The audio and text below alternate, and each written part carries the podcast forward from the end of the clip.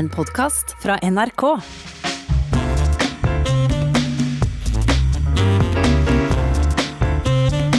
Ja, Denne veka så inntok en 78-åring presidentkontoret i Det hvite hus, mens Carl I. Hagen i et intervju med Vårt Land påpeker at det knapt vært nominert godt voksne politikere på våre stortingsvalglister.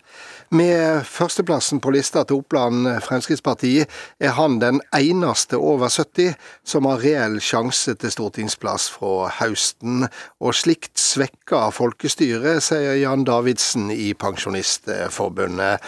Og velkommen til deg, redaktør Kaja Storvik i Agenda Magasin.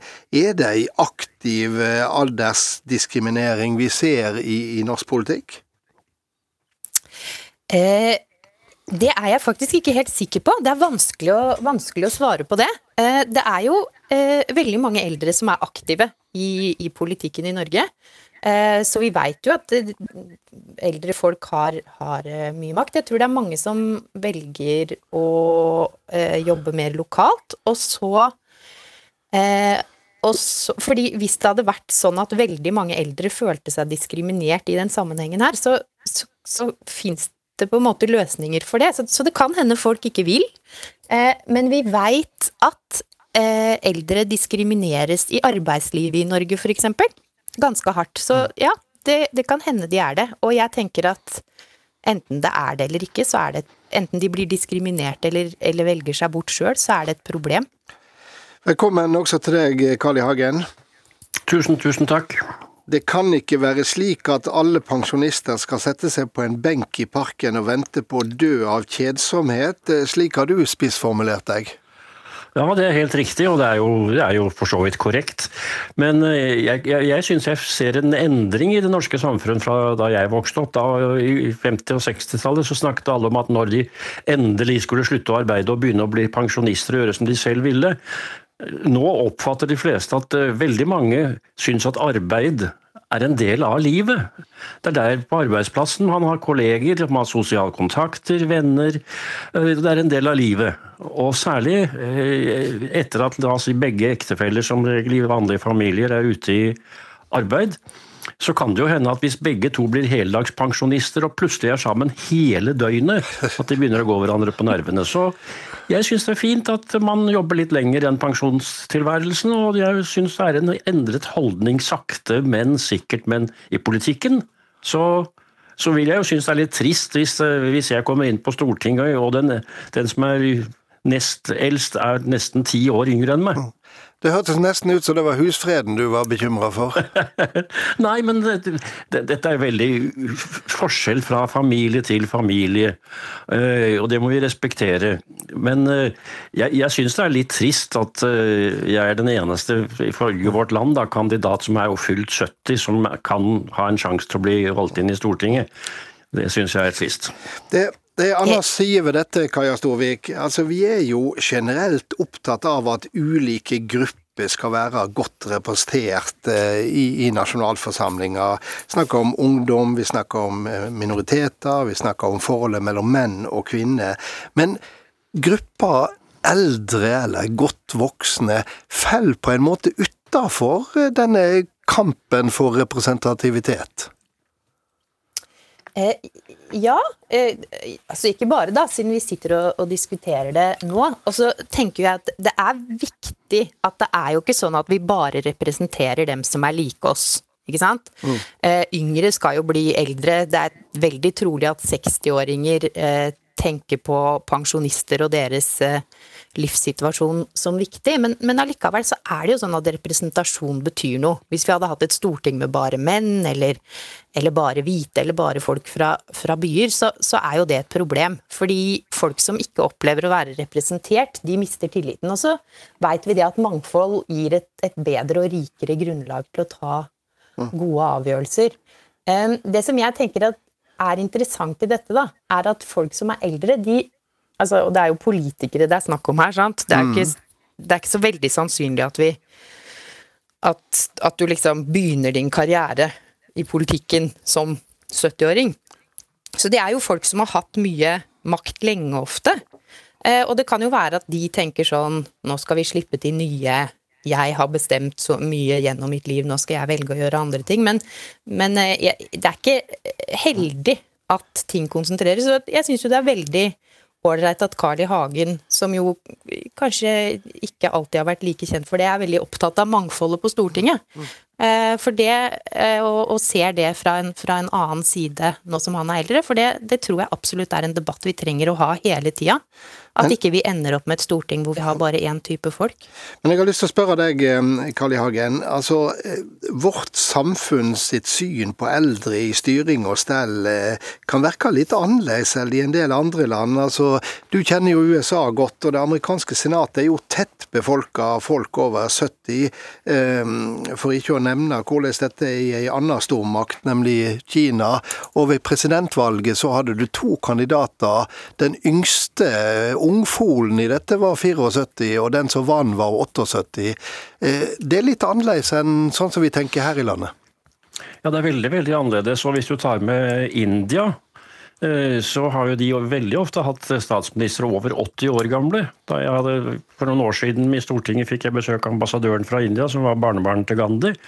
Og jeg snakket om at jeg lurte på snart å, å, å trekke meg, for jeg begynte jo å bli liksom over 50. Da lo han og sa at i vårt eh, system så ville du fremdeles tilhørt ungdomspartiet eller den yngre garde i seniorpartiet. Så det er helt riktig, det er forskjellig fra land til land og fra de ulike kulturer. Det er også et resultat av, la oss si, det, det, politiske systemet.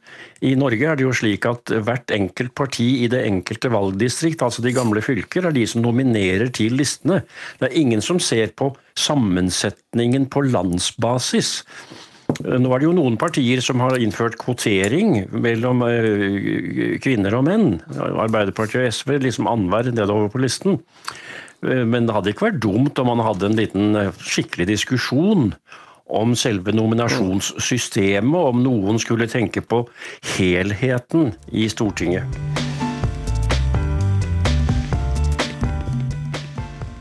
Kaja Storvik og Carl I. Hagen, de er fremdeles med for å gi perspektiv på dette med eldres plass i det politiske livet, med utgangspunkt i hvor få det er som blir innvalgt på Stortinget eh, i godt voksen alder. Og Carl I. Hagen, Kaja Storvik var inne på det før Chet Baker slapp til, dette med at at politikere, i hvert fall på stortingsnivå. Jeg har gjerne vært med i mange år. Det er ikke der du starter når du er 70.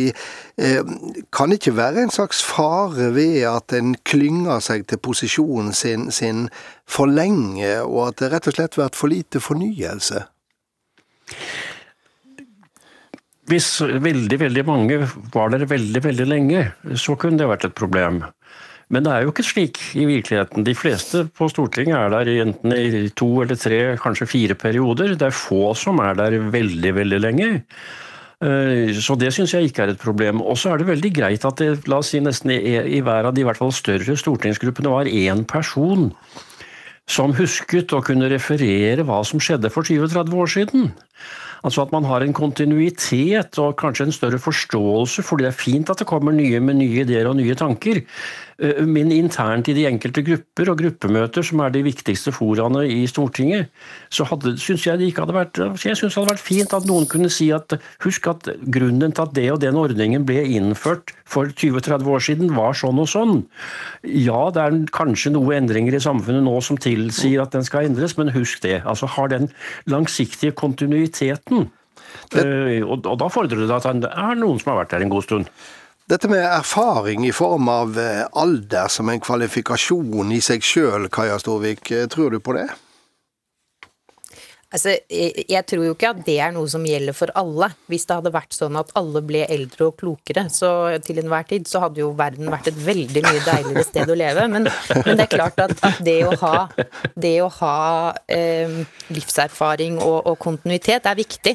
Eh, personlig, eh, hvis jeg skulle si hva som bekymra meg med, med, med, at det er så få eldre folkevalgte, så, så er det nok ikke først og fremst det. Fordi eh, Carl I. Hagen har jo helt rett i at det er ikke så mange som sitter så lenge.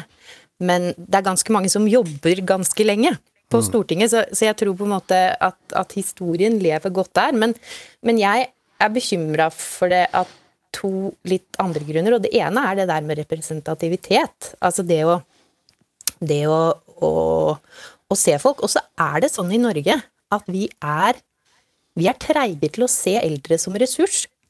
Og det henger nok mye sammen med at det er ikke så lenge vi egentlig har blitt så gamle. Ikke sant? Eh, jeg husker mine besteforeldre, når de ble pensjonister, så, så det var noe som de trodde at de skulle være noen få år, og så trodde jo de at de skulle bli syke og dø.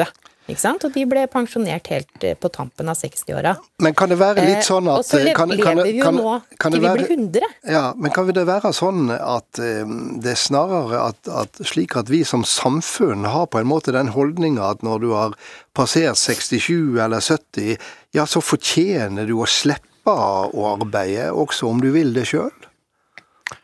Nei, altså det, er, det, er, det er den holdningen som er feil, syns jeg, Strangheller. Stanghelle. Altså at arbeid er noe, liksom noe ork. Det er en veldig viktig del av livet, og det kommer vi nå til å oppdage eh, når vi har så veldig mange som nå er arbeidsledige og permitterte. og Vi har jo sett nå i aviser og sånt at det er flere som står frem og sier at de savner kollegaene. De liker ikke å være på hjemmekontor. De savner å kunne slå av en, en, en prat i, i lunsjpausen med kolleger. Og det er der holdningen er.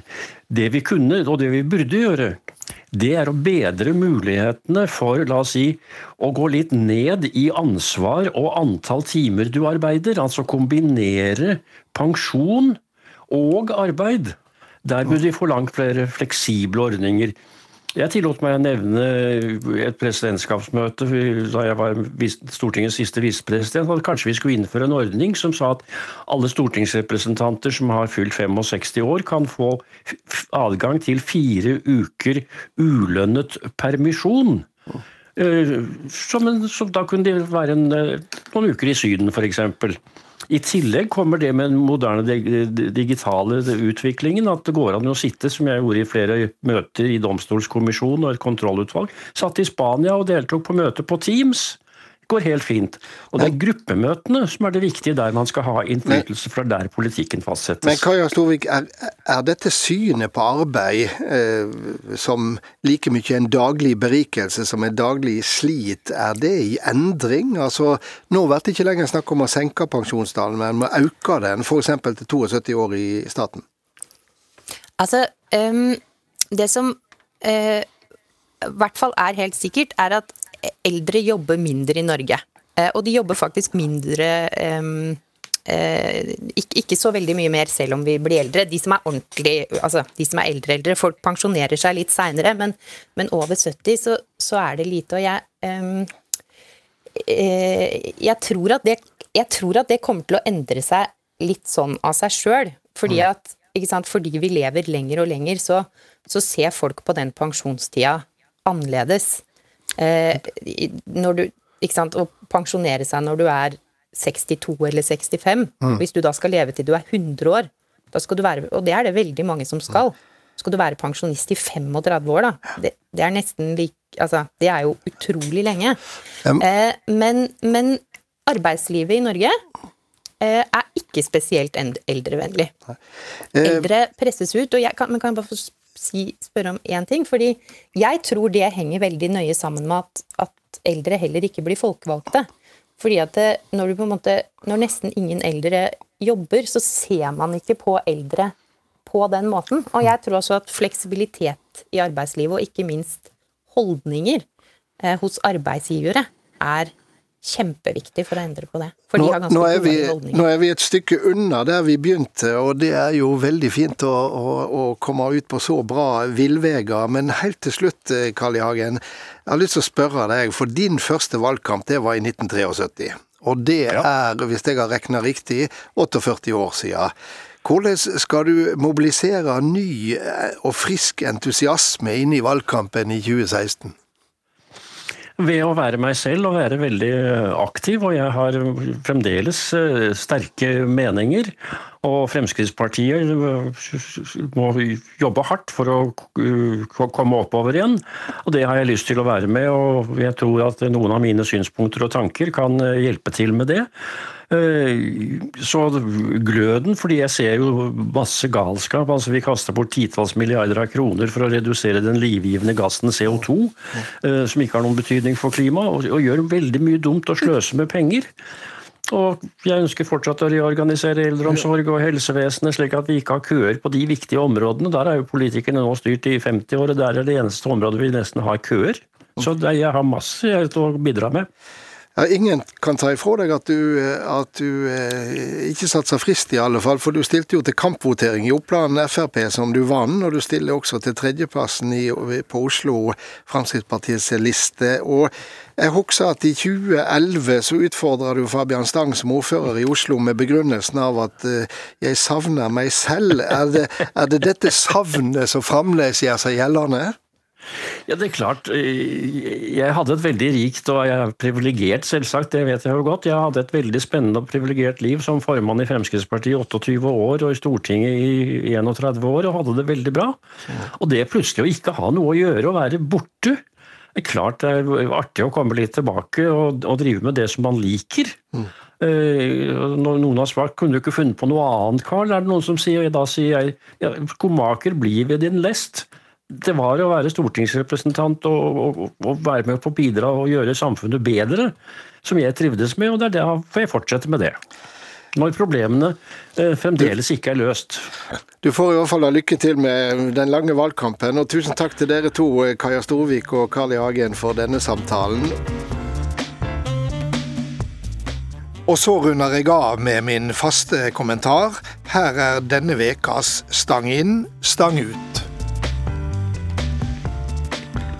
Firerbanden er blitt et nytt begrep i norsk politikk.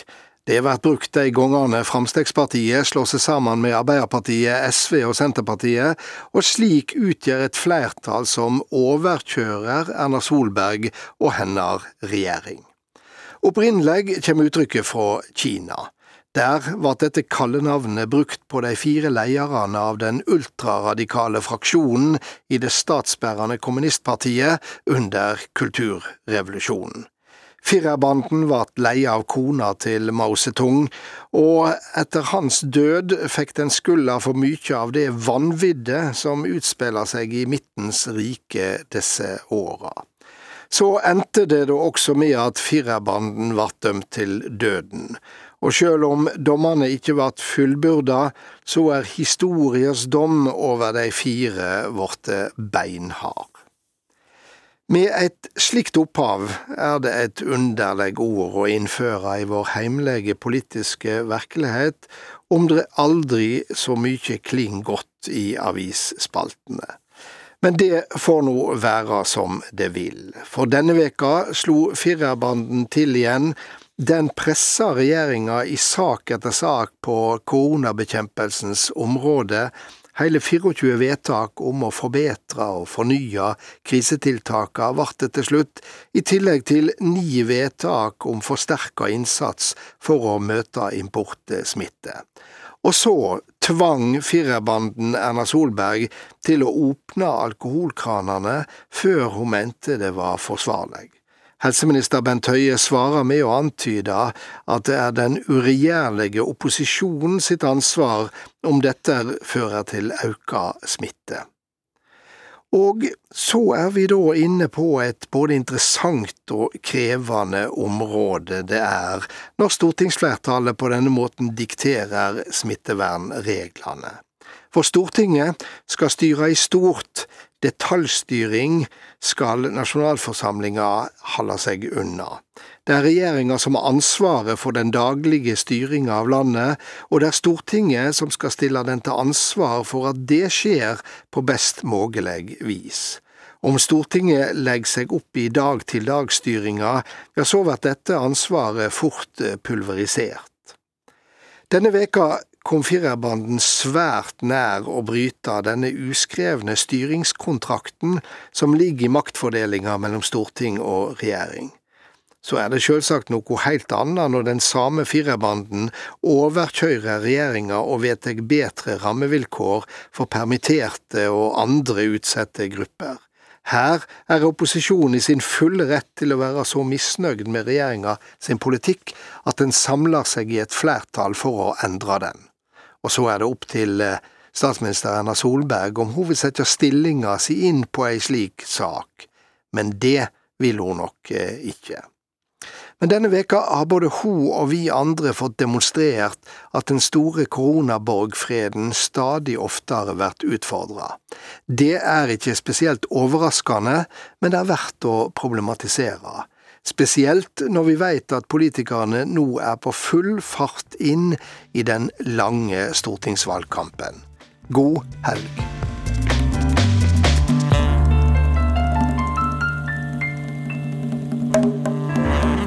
Du har hørt en podkast fra NRK. Hør flere podkaster og din NRK-kanal i appen NRK Radio.